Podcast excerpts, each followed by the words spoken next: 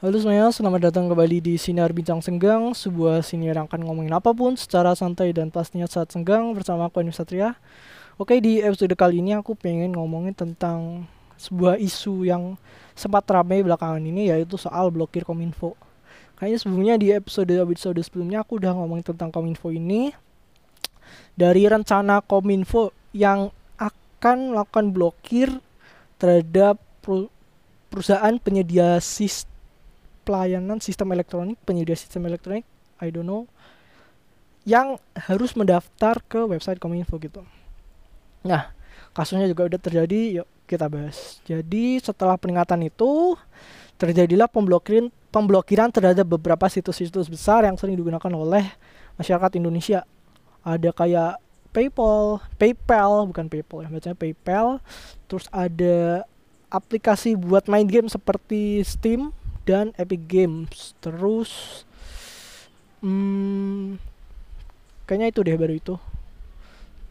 Terus akhirnya diblokir terjadilah apa ya namanya e, keributan di masyarakat di mana bahwa orang-orang yang menggantungkan hidupnya dari aplikasi PayPal dan bermain game di Steam dan Epic Games ini terganggu mereka jadi nggak bisa yang PayPal ini para freelancer nggak bisa menggunakan untuk kegiatan produktifnya dan para gamers streamers dan uh, pekerja di bidang game ini juga kesusahan gitu dalam melakukan pekerjaannya. Nah, yang akhir timbul di masyarakat terjadi banyak perdebatan, ada yang pro, ada yang kontra dan terjadi perdebatan dan akhirnya um, beberapa pihak terkait mulai angkat suara terhadap isu ini. Ada beberapa tokoh-tokoh sentral dalam isu ini ada ada di Jen Kominfo, Bapak Samuel atau netizen sering menyebut Samuel.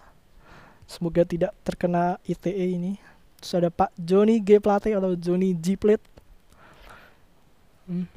Terus ber, berkomentar bahwa kalau mereka ingin beroperasi di Indonesia mereka harus menaati peraturan-peraturan di Indonesia gitu. Terus akhirnya terjadi pemblokiran. Terus akhirnya mereka juga sempat bilang bahwa perusahaan perusahaan-perusahaan karya anak bangsa ini juga bisa menggantikan perusahaan tersebut. Tentu itu terdengar sedikit konyol karena sampai sekarang bahkan belum ada produk buatan saya yang ya fungsinya seperti itu dan bisa memenuhi kebutuhan seperti aplikasi-aplikasi tersebut itu. Hanya timbul protes dan ada yang sampai menyuruhkan blokir kominfo, boykot kominfo, yang sejenis di situ lah. Ada juga yang membela kominfo. Terus setelah protes keras ya beberapa hari uh, kominfonya juga bilang bahwa ini tuh udah diberitahu lama-lama sekali tetapi si konsumennya dari Indonesia tuh juga tahunya juga akhir-akhir ini sih. Kominfo beralasan bahwa PSE itu sangat banyak, kita tidak bisa kita tidak mungkin memberitahukan satu persatu seperti itu. Dan akhirnya perdebatan perdebatan pun terjadi. Akhirnya menemui titik terang setelah protes dari masyarakat yang begitu kencang. Kominfo akhirnya enggak akhirnya sih akhirnya ada pihak dari developer swasta yang mencoba untuk mencoba untuk menyatukan antara pihak Kominfo ini dengan pihak PSE terkait supaya bisa ditemukan titik terangnya. Dan akhirnya setelah diblokir beberapa perusahaan sudah mulai mendaftarkan diri dan udah bisa di, dibuka. Dari kalau sekarang ya terbaru itu Epic Game Store tanggal 9 terus Steam juga udah bisa. Terus PayPal sih kayaknya aku ngecek di PS eh ini aku belum ada aku ngecek. Tapi udah bisa dibuka websitenya tapi kata temenku kalau SMS atau narik dana yang menggunakan OTP ini masih belum bisa.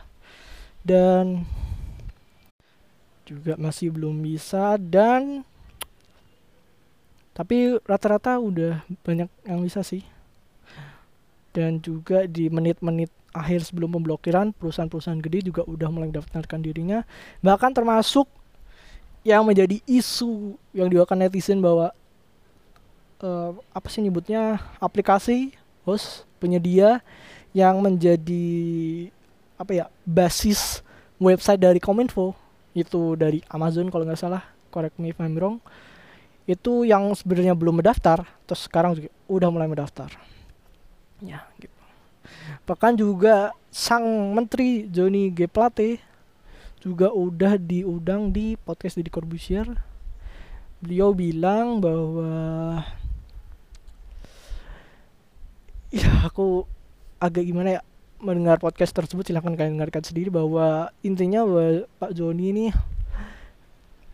peraturan ini didegak, didegakkan demi terciptanya kedaulatan Indonesia. Nah, kedaulatan apa yang dimaksud ini tidak jelas, penjelasannya masih muter-muter. Beliau tidak menyinggung sedikit pun tentang uh, tanggapan mengenai pengguna di Indonesia yang terganggu gitu atas pemblokiran tersebut tapi ya, akhirnya beberapa perusahaan sudah mendaftar dan paling kurang PayPal.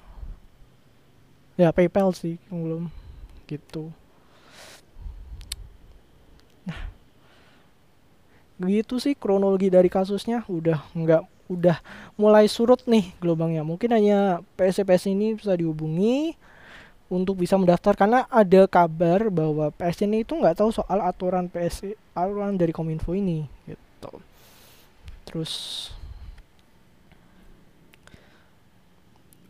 Udah sih gitu aja kronologinya.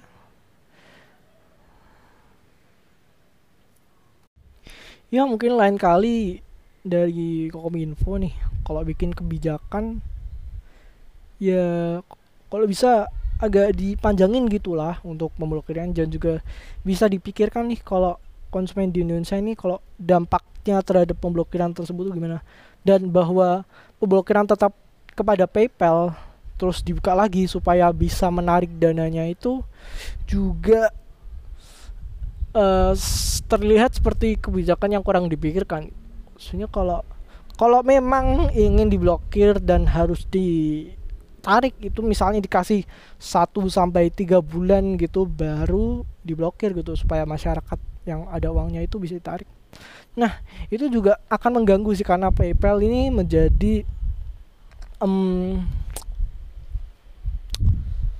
satu-satunya mungkin ya pembayaran yang um, membuka aksesnya ak, pembayaran multinasional internasional yang ada aksesnya di Indonesia. Pembayaran lain sepertinya kurang luas dan kurang terse tidak tersedia di Indonesia gitu sih. Jadi mungkin bisa lebih memikirkan dampaknya terhadap pengguna di Indonesia. Kita aja sih siniar pada hari ini. Terima kasih yang sudah mendengarkan dan buat kalian yang ingin mendengarkan tentang anime, manga dan pop culture Jepang lain, aku juga punya podcast lain bernama Second Man Podcast. Terus e, bincang senggang ini juga ada Instagramnya, silahkan kalian bisa follow di @bincang senggang.